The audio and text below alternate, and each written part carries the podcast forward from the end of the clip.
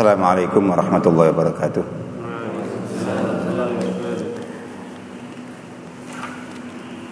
Innal hamdalillah nahmaduhu wa nasta'inuhu wa nastaghfiruh wa na'udzu billahi min shururi anfusina wa sayyiati a'malina. May yahdihillahu fala mudilla lahu wa may yudlil fala hadiya lahu. Wa asyhadu an la ilaha illallah wahdahu la syarika lahu وأشهد أن محمدا عبده ورسوله صلى الله عليه وعلى آله وصحبه ومن سار على نهجه ودعا بدعوته واقتفى أثره واتبع سنته وجاهد جهاد جهاد اليوم الدين. اللهم يا ربنا لك الحمد كما ينبغي لجلال وجهك عظيم سلطانك اللهم لا نحصي ثناء عليك أنت كما أثرت على نفسك. اللهم آت نفوسنا تقواها وزكي أنت خير من زكاها. أنت وليها مولاها اللهم ما أصبح بنا من نعمة أو بأحد من خلقك فمنك وحدك لا شريك لك. فلك الحمد ولك الشكر. والحمد لله العالمين. Baik, insya Allah kita memulai kembali kajian kita tentang oh, kajian tematik Jumat eh, pagi ini. Dan insya Allah tema umum atau tema besar kita adalah eh, menata pemahaman keislaman kita kaum muslimin. Dan insya Allah kita akan mulai membincang seputar subtema tentang fenomena krisis pemahaman dan pemikiran keislaman di tengah-tengah kaum muslimin. Karena masalah krisis pemahaman pemikiran ini itu mungkin menempati urutan skala prioritas yang termasuk tertinggi sebagai penyebab terjadinya krisis multidimensi di tubuh umat. Kalau kita ini uh, salah satunya adalah bahwa krisis pemahaman pemikiran inilah yang menjadi salah satu penyebab utama terjadinya bermacam ragam perpecahan bahkan pertikaian di antara uh, kaum muslimin. Kalau kita membuat membuat apa? Membuat uh, analisa untuk sampai kepada kesimpulan sederhana, barangkali kita mengatakan apa sih masalah inti umat ini, umat Islam maksudnya? Itu kalau kita diminta untuk menjawab dengan kata yang singkat dan pendek atau kesimpulannya saja itu maka kita kita katakan yang mungkin paling representatif adalah eh, kondisinya itu lemah dalam kelemahan dalam berbagai bidang. Jadi semua masalah yang terjadi di tubuh umat ini itu karena umat ini lemah. Dalam bidang apa semuanya? Jadi utamanya dalam bidang keislaman itu sendiri.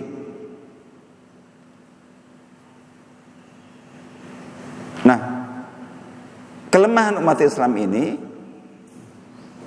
itu ya berarti faktor penyebabnya apa? Salah satu faktor penyebab utamanya adalah perpecahan.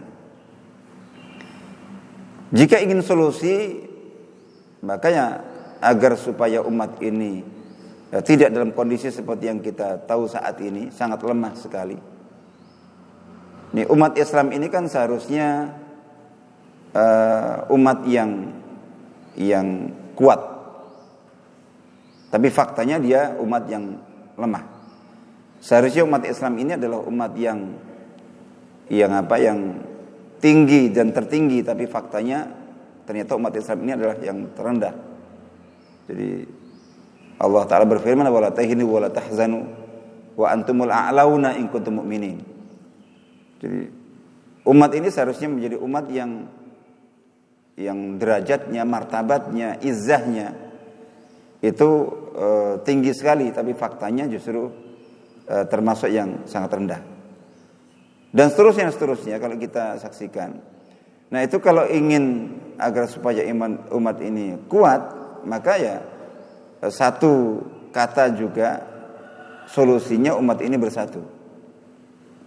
Jadi saya sering mengatakan bahwa seluruh potensi yang dibutuhkan oleh umat ini untuk menjadi umat terbaik seperti yang Allah sebutkan kuntum khairu ummatin ukhrijat linnas itu sesuai dengan posisi yang diduduki oleh umat ini di masa-masa awalnya dulu para sahabat, para tabi'in, para tabi'in tabi'in untuk umat ini membuktikan dirinya sebagai khairu ummah. Kalau khairu ummah itu salah satunya pasti umat yang terkuat, umat yang terunggul, umat yang tertinggi. Jadi untuk menempati kembali posisinya itu menjadi umat terbaik, umat terkuat, umat terunggul, umat tertinggi itu hampir semua potensi kekuatan itu ada di dalam tubuh umat ini saat ini, bukan nanti. Oh, kalau begitu mengapa kok umat Islam tidak kuat? Itu gara-gara potensi-potensi kekuatan yang dimiliki itu masih tercecer.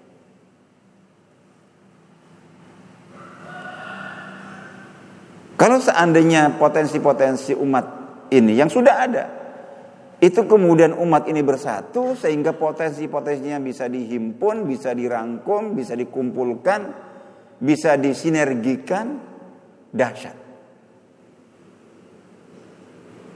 Jadi dahsyat sekali. Nah itu jadi yang dibutuhkan udah bersatu. Ini ibarat bahan-bahan bangunan Sebelum akhirnya bahan itu dikumpulkan, dipadukan, diaduk, tentu dengan dengan ilmu, dengan keahlian. Saat masih ketika pasir, semen, batu-batu kecil dan seterusnya itu masih terpisah-pisah. Itu kan tidak banyak manfaatnya. Bahkan bisa jadi malah e, madarat gitu. Tapi begitu bahan-bahan tadi itu diaduk, digabungkan, dipadukan dengan ilmu dan keahlian, itu akhirnya berubah menjadi bangunan yang kokoh kuat. Nah umat ini juga begitu, seperti dalam surat As-Saff itu. Jadi Inna Allah yuhibbul ladina uh, apa ayatnya?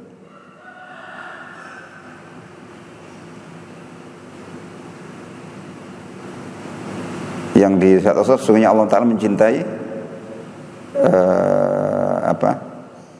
Jadi orang-orang beriman yang ah jadi inna Allah yuhibbul ladzina yuqaduna fi sabilihi uh, saffan ka'annahu bunyanun marsus. Jadi inna Allah yuhibbul ladzina yuqaduna fi sabilihi saffan ka'annahu bunyanun marsus. Sesungguhnya Allah taala men nyukai mencintai orang-orang yang berperang di jalannya syaratnya dalam satu soft dalam satu barisan jadi yang rapi yang kuat ka'annahum bundarum marsus seolah-olah e, barisan itu saking solidnya saking kokohnya dan saking rapatnya itu seperti bangunan yang tertata rapi. Itu seperti itu. Nah di sini babnya. Jadi kendala ini kendala mengapa persatuan itu tidak mudah terwujud memang banyak faktor tapi salah satu faktor penyebab utamanya itu soal krisis pemahaman pemikiran jadi kerancuan dan kekacauan pemahaman di tubuh umat Islam ini itu yang menjadi penghalang paling utama menurut saya. Ya salah satu paling tidak salah satu penghalang paling utama terwujudnya persatuan itu. Itu gara-gara pemahaman. Nanti kita bisa lihat.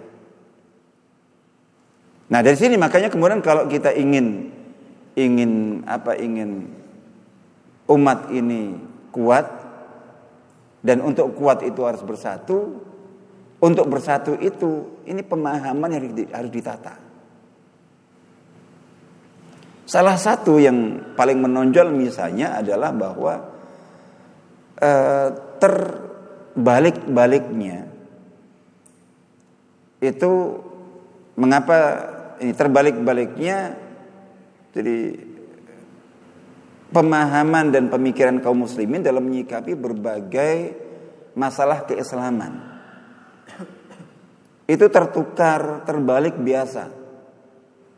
Jadi usul menjadi furuk furuk menjadi usul. Pokok menjadi tidak pokok jadi pokok menjadi ranting ranting menjadi pokok itu biasa prinsip dinon prinsipkan yang non prinsip diprinsipkan. Jadi antar umat Islam itu salah seorang ulama dari Syria yang sangat terkenal Dr. Muhammad Ratib An-Nabulsi itu mengatakan bahwa jadi ini sangat mengherankan kondisi umat ini. Kalau dibandingkan dengan umat-umat lain. Umat-umat di luar Islam itu bisa bersatu di antara mereka. Memang disatukan oleh kepentingan. Tapi setidaknya bisa bersatu di antara mereka. Bisa bersatu, bisa bersinergi. Bisa membangun jaringan antar mereka untuk mencapai tujuan bersama mereka. Padahal porsi perselisihan antar mereka itu bisa sampai 95 persen. Yang menyatukan hanya 5% itu bisa. Bersatu. Bersinergi. Demi kepentingan bersama. Sementara umat Islam itu faktor pemersatunya itu sampai 95%. Faktor yang membuat mereka berbeda itu mungkin hanya 5%. Tapi antar mereka bertikai terus, bertengkar terus. Sikut-sikutan terus bahkan saling berperang di antar mereka, saling bunuh di antar mereka. Gara-garanya apa itu? Itu rata-rata praktek akidah walak barok itu lebih banyak diterapkan antar umat Islam sendiri.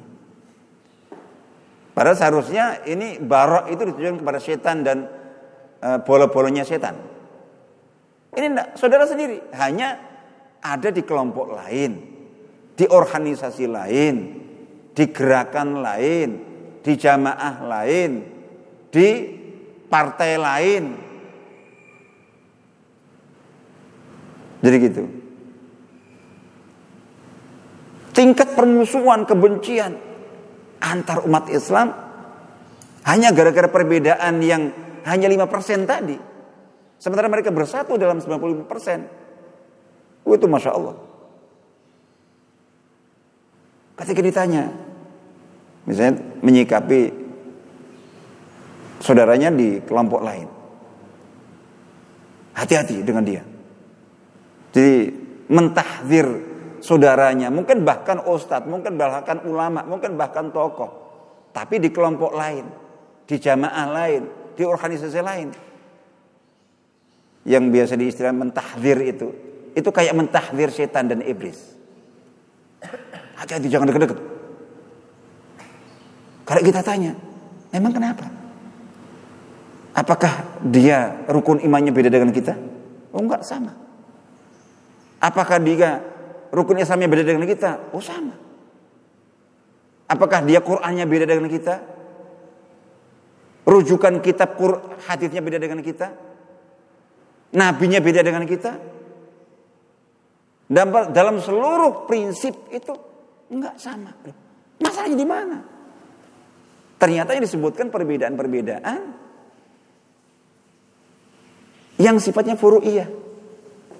Kunut enggak kunut. Usalli enggak usalli. Sayyidina enggak sayyidina. Adzan Jumat satu atau dua. Tarweh 11 atau 23. Jadi gitu. Bahkan kadang-kadang masalahnya hanya ini sarungan atau enggak sarungan, pecian atau enggak pecian. Jadi Gara-gara cara pakai PC-nya beda saja bisa tengkar. Nah, ini ini ilustrasi saja gambarannya. Nah, itu seperti itu. Jadi sehingga saya uh, sebutkan bahwa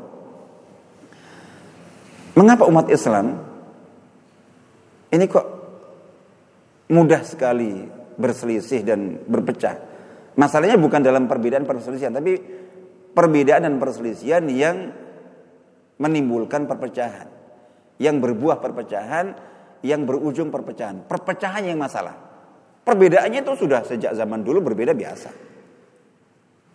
Jadi umat ini, umat ini itu seharusnya merupakan umat yang paling matang dan paling dewasa dalam menyikapi perbedaan. Mengapa? Karena usia dan umur perbedaan di tubuh umat ini itu kira-kira itu setua usia umat ini sendiri. Sejak zaman sahabat minimal sejak ditinggal wafat Nabi. Itu para sahabat itu sudah berbeda. Mengapa kok mazhab umat Islam di apa, Irak beda dengan di Syam, di Syam beda dengan di Mekah, beda dengan di Madinah, beda dengan di Mesir itu. Itu karena yang membawa Islam ke sana beda para sahabat dan tabiinnya.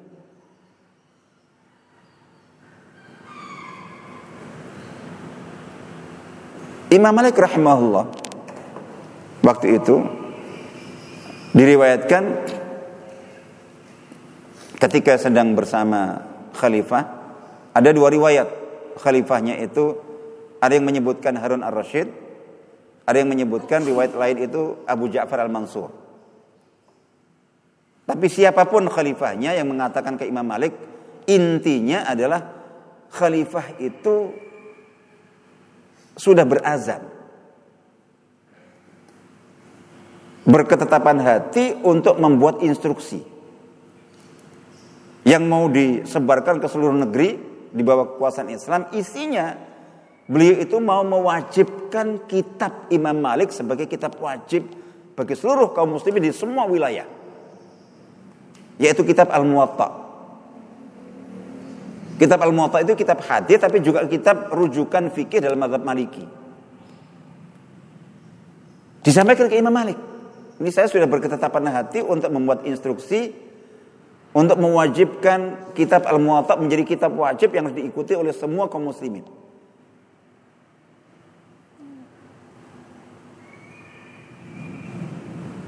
Bagaimana kalau seandainya kita misalnya membuat buku, jadi mungkin buku pelajaran tentang apa, terus kemudian e, pemerintah menetapkan, terus menghubungi antum misalnya yang yang penulis buku itu bahwa buku anda itu akan kami tetapkan sebagai buku wajib yang dipakai di seluruh sekolah negeri dan swasta.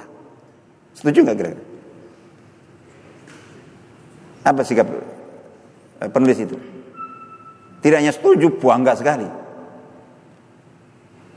Tapi Imam Malik beda. Ini kitabnya mau ditetapkan sebagai kitab wajib di dunia Islam semuanya di bawah kekhilafahan waktu itu. Itu beliau malah menolak. Jangan wahai khalifah. Mengapa kok jangan? Itu karena masing-masing wilayah itu itu sudah punya madhab.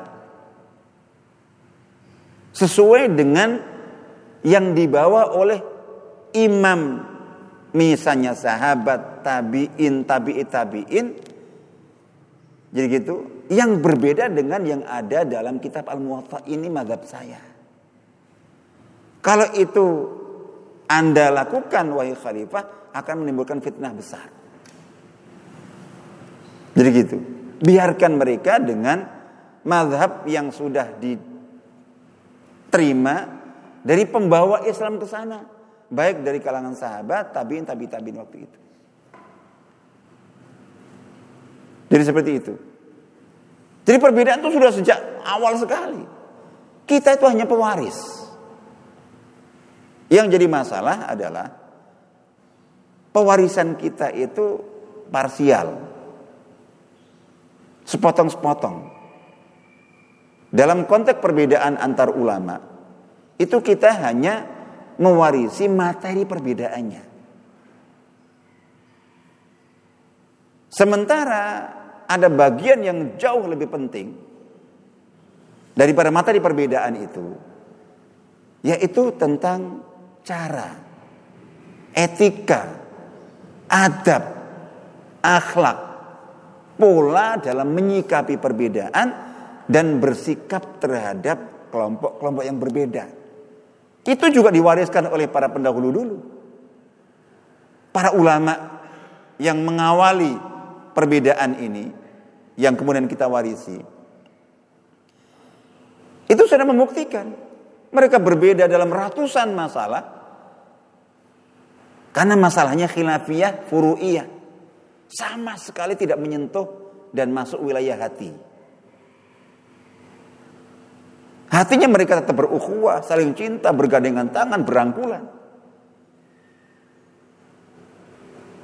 Biasa berdiskusi itu gayeng aja begitu.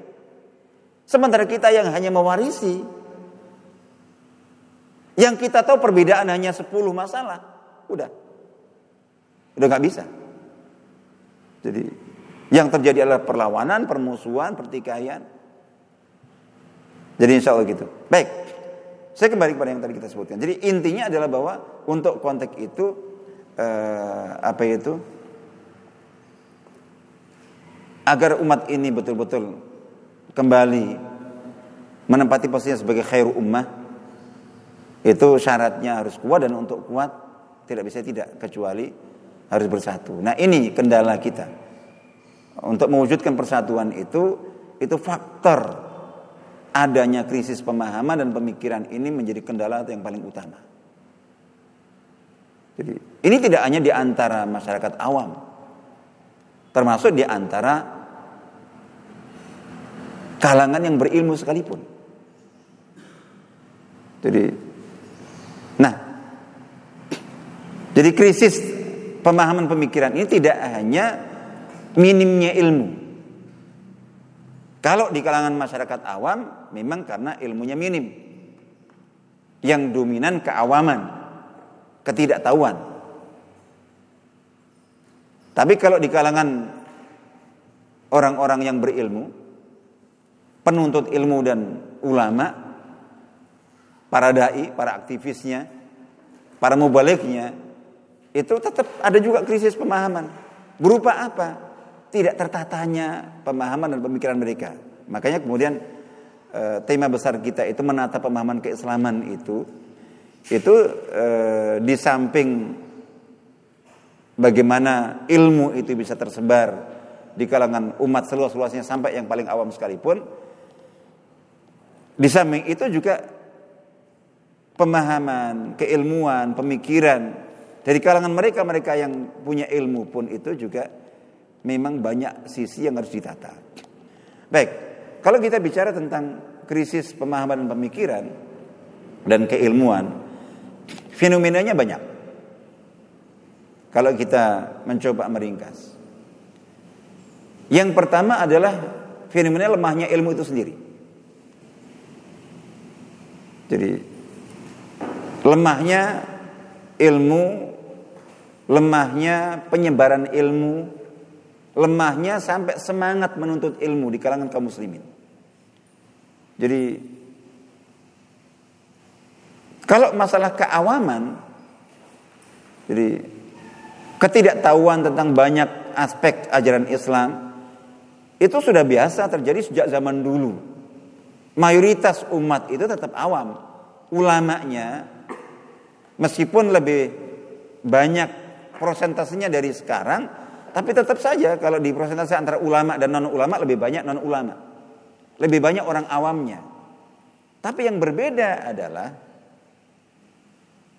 semangat mereka menuntut ilmu, bertanya ketika tidak tahu, konsultasi ketika ada yang ingin dikonsultasikan. Jadi gitu. Itu tinggi. Sementara di sini sekarang eh, saat ini banyak umat Islam umat Islam yang tidak tahu tapi tidak mau tahu. Tidak ada usaha untuk mencari tahu. Bahkan ada yang lebih parah. Diberitahu pun tidak mau. Jadi gitu. Nah itu itu, itu babnya. Jadi seperti itu.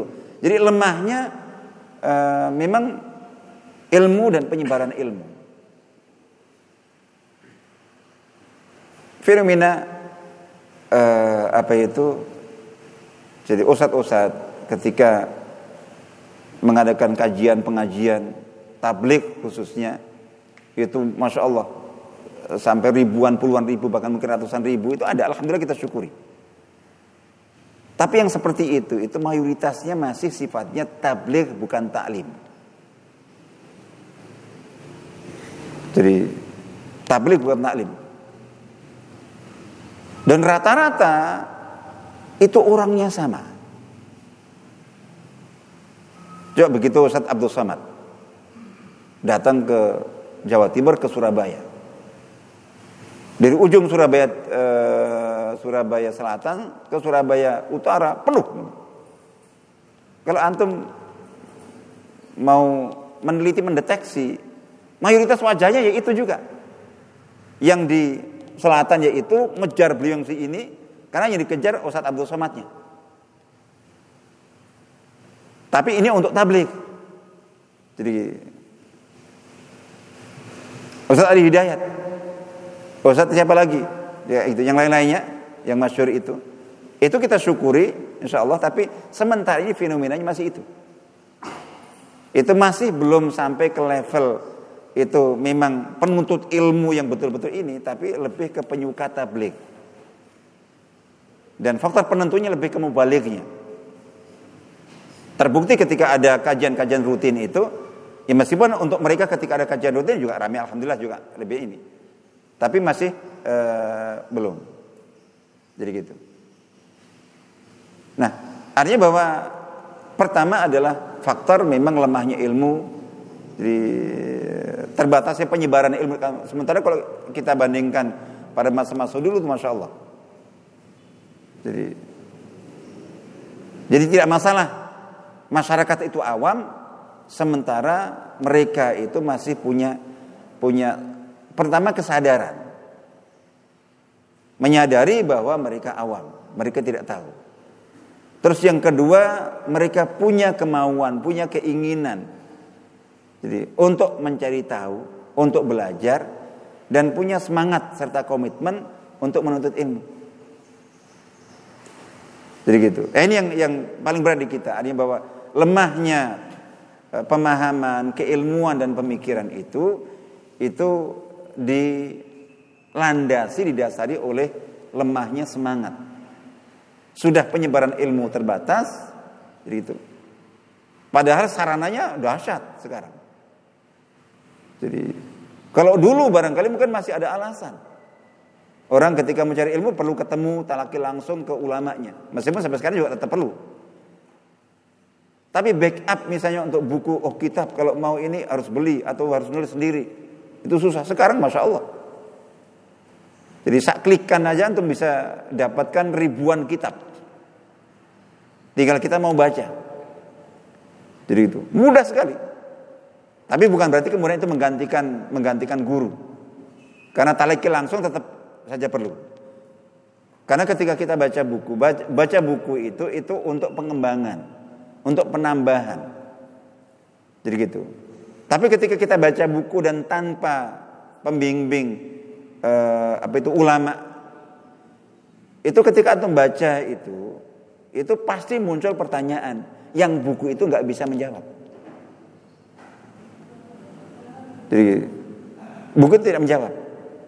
Yang bisa menjawab ya ulamanya, orang. Jadi insya Allah begitu.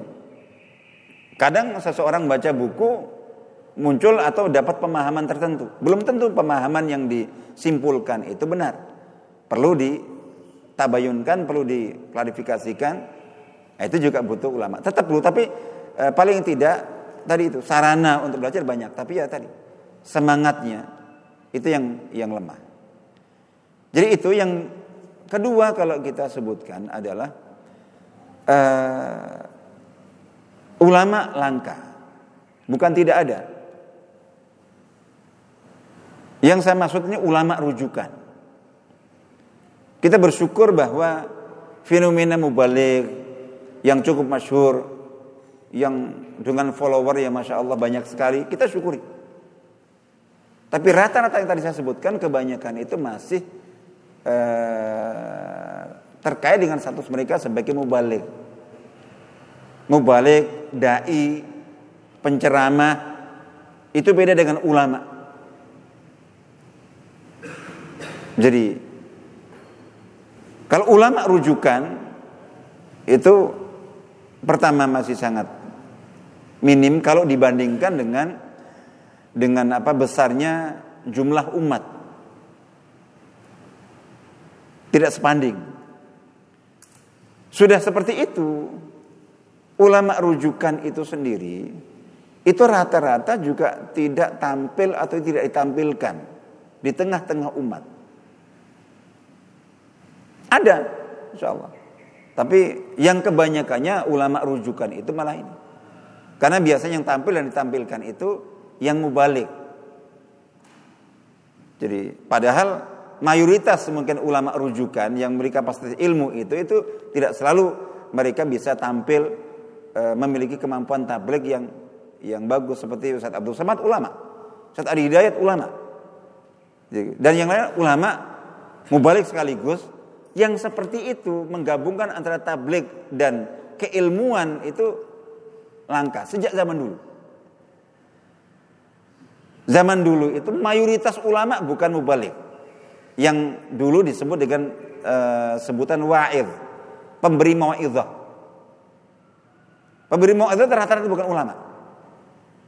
Pandai itu apa itu uh, ceramahnya, mau'izahnya, tausiahnya Masya Allah. Itu rata-rata bukan ulama. Itu tetap dibutuhkan. Tetap dibutuhkan. Tapi tidak bisa menggantikan kebutuhan akan ulama. Nah itu tadi.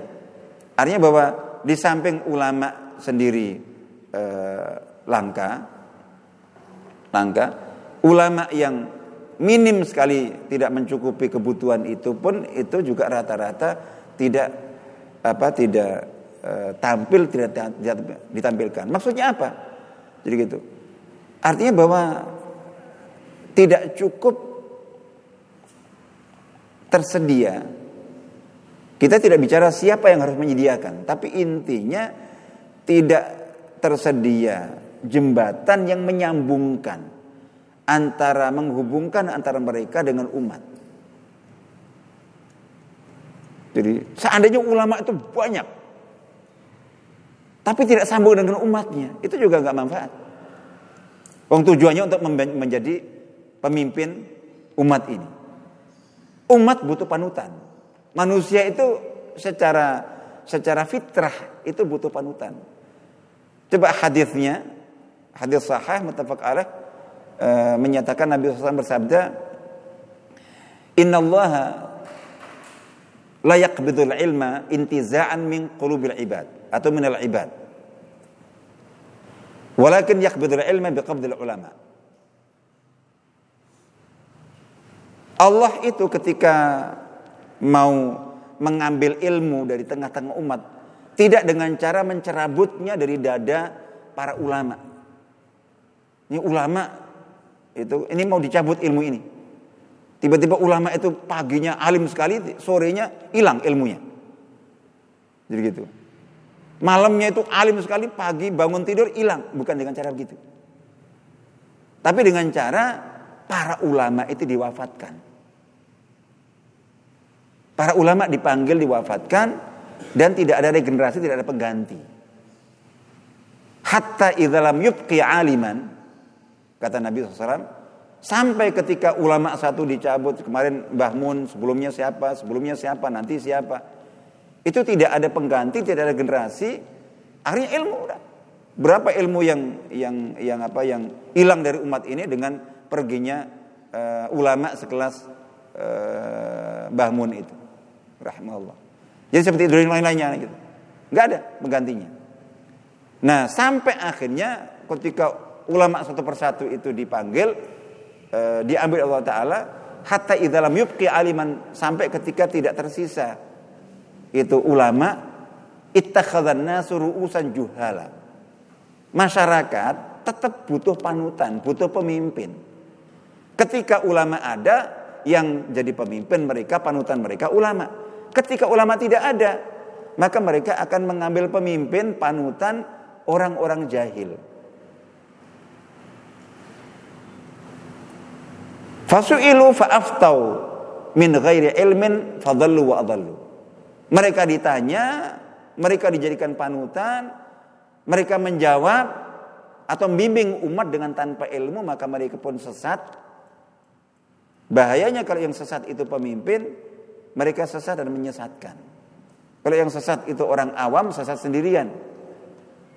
Tapi kalau yang sesat itu ulama yang jadi panutan, pemimpin masyarakat dan umat itu sesat dan menyesatkan. Itu dahsyat. Nah tadi itu misalnya gitu. Jadi, nah, jadi yang tadi nomor berapa adalah jadi di samping ulama itu langka, minim sekali kalau dibanding dengan kebutuhan. Sudah begitu rata-rata ulama rujukan itu sendiri juga tidak tampil, tidak ditampilkan, eh, tidak cukup ada media yang menyambungkan antara mereka dengan dengan apa dengan uh, apa itu umat masyarakat yang tinggal misalnya dengan jarak yang sangat dekat. Pakai contoh misalnya. Sangat dekat dengan kantor tempat berhimpunnya para ulama, misalnya kantor MUI Masjid Ulama Indonesia. Baik tingkat kota, tingkat provinsi, itu ada masyarakat yang berjarak hanya 200-300 meter. Itu mungkin nggak tahu kalau di situ itu tempat berkumpulnya para ulama. Kalau mereka mau tanya apa-apa tentang agama itu mestinya di situ. Tapi karena memang nggak nggak disediakan forum atau media yang ini ya nggak nyambung. Termasuk juga ulamanya itu apakah memang juga siap? Misalnya sewaktu-waktu standby. Nah ini, ini bapak, ini gimana? Jadi, jadi seperti itu. Nah, di samping itu sendiri ada ada masalah. Masalah lemahnya kepercayaan di tengah umat ini kepada ulama. Faktornya banyak. Termasuk mungkin ulama sendiri itu juga punya andil, langsung atau tidak langsung.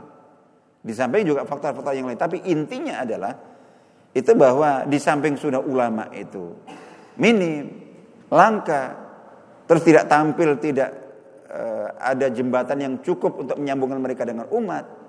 Sudah seperti itu, itu kepercayaan masyarakat kepada ulama sendiri itu itu sering sekali lemah. Sering sekali lemah. Ada yang sifatnya merata. Ada. Banyak umat itu nggak percaya kepada seluruh ulama. Mungkin gara-garanya hanya pernah dikecewakan atau mungkin kecewa dengan satu dua ulama kemudian dijenelisir. Tapi ada yang nggak percaya hanya ke si A, si B, si C. Tiga. Dari seratus hanya percaya kepada tiga. Yang 93 nggak percaya. Ini juga tentu masalah. Ya, apa penyebabnya? Bisa banyak. Tapi intinya fenomena itu ada. Dan menjadi penghalang. Jadi menjadi penghalang. Lalu kemudian aspek lain dan ini sangat penting sekali adalah ketidakjelasan rujukan. Ini dahsyat. Jadi kalau saya ambil contoh perbandingan saja misalnya di sebagian negara Arab. Tetap kalau di katakan apakah di sana terus kemudian ulama sudah banyak dan cukup, maka dikatakan enggak juga. Tetap lebih banyak masyarakat awamnya. Jadi tetap lebih banyak masyarakat awamnya. Tapi di sebagian mereka paling tidak, di sebagian negara itu, e, meskipun ini, meskipun ulama itu tetap lebih sedikit. Jadi mungkin prosentasenya lebih banyak mereka, prosentase ya. Jadi kalau jumlah mungkin relatif, tapi prosentasenya karena jumlah penduduk mereka satu negara misalnya lebih jauh lebih kecil daripada kita, sementara ulamanya sama dengan kita misalnya, atau lebih banyak kan berarti persentasenya. Tapi tetap saja masyarakat mayoritas itu tetap mayoritas awam. Tapi kondisi itu lebih baik. Mengapa? Salah satu faktor penyebabnya itu rujukan keilmuan syar'i itu jelas. Di kita sering nggak jelas. Di sana itu kalau sedang ada pembahasan, ada perdebatan, ada polemik tentang masalah syar'i yang terlibat antar ulama. Yang non ulama nggak ikut campur. Masyarakat tahu itu. Andai pun ada yang ber, uh, ikut terlibat, masyarakat tahu uh, ini nggak perlu didengar. Ini bukan ulama.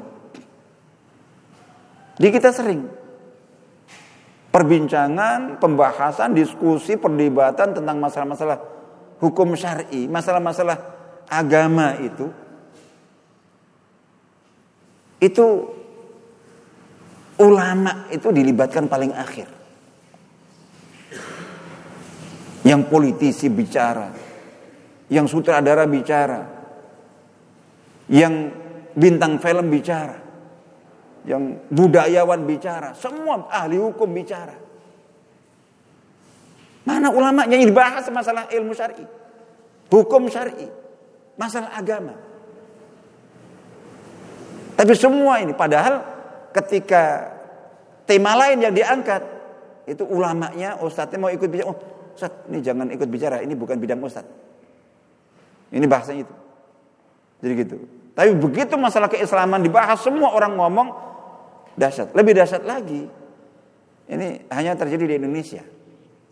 Ketika ulama itu berfatwa dalam bidangnya, fatwa agama bukan fatwa bukan fatwa seni, bukan fatwa politik, fatwa agama. Yang protes itu kalau ulama protes biasa. Yang protes itu ya berbagai tadi latar belakang. Memprotes fatwa ulama bidangnya. Nah, itu ini kekacauan yang yang uh, apa itu terjadi. Nah itu semuanya penyebabnya tadi karena memang uh, lemahnya ilmu tadi itu. Nah yang tidak kalah apa itu. Jadi pentingnya terkait dengan fenomena krisis pemahaman pemikiran itu yaitu pemahaman-pemahaman ya karena berbagai faktor tadi itu sehingga akhirnya pemahaman keilmuan eh, pemahaman dan pemikiran keislaman kaum muslimin itu yang merasa paham pun jadi gitu yang punya sebagian ilmu itu pun itu juga banyak yang tidak tertata. Banyak yang dipenuhi dengan diwarnai dengan kerancuan, jadi kesemrawutan yang tadi sudah saya sebutkan. Jadi menempatkan ini jadi uh, usul itu menjadi furuk, furuk menjadi usul, prinsip di non prinsipkan, non prinsip jadi diprinsipkan itu apa tertukar-tukar seperti itu, terbalik-balik seperti itu itu sangat umum. Dan itu tentu apa berimbas pada penyikapan.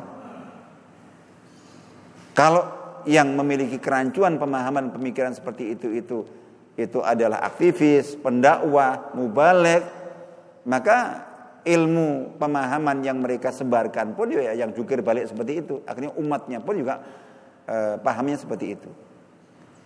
Nah ini maka kemudian eh, sekali lagi yang tadi kita sebutkan bahwa jadi kalau kita mau ringkas masalah umat ini yang paling utama adalah kelemahan itu multidimensi kelemahannya.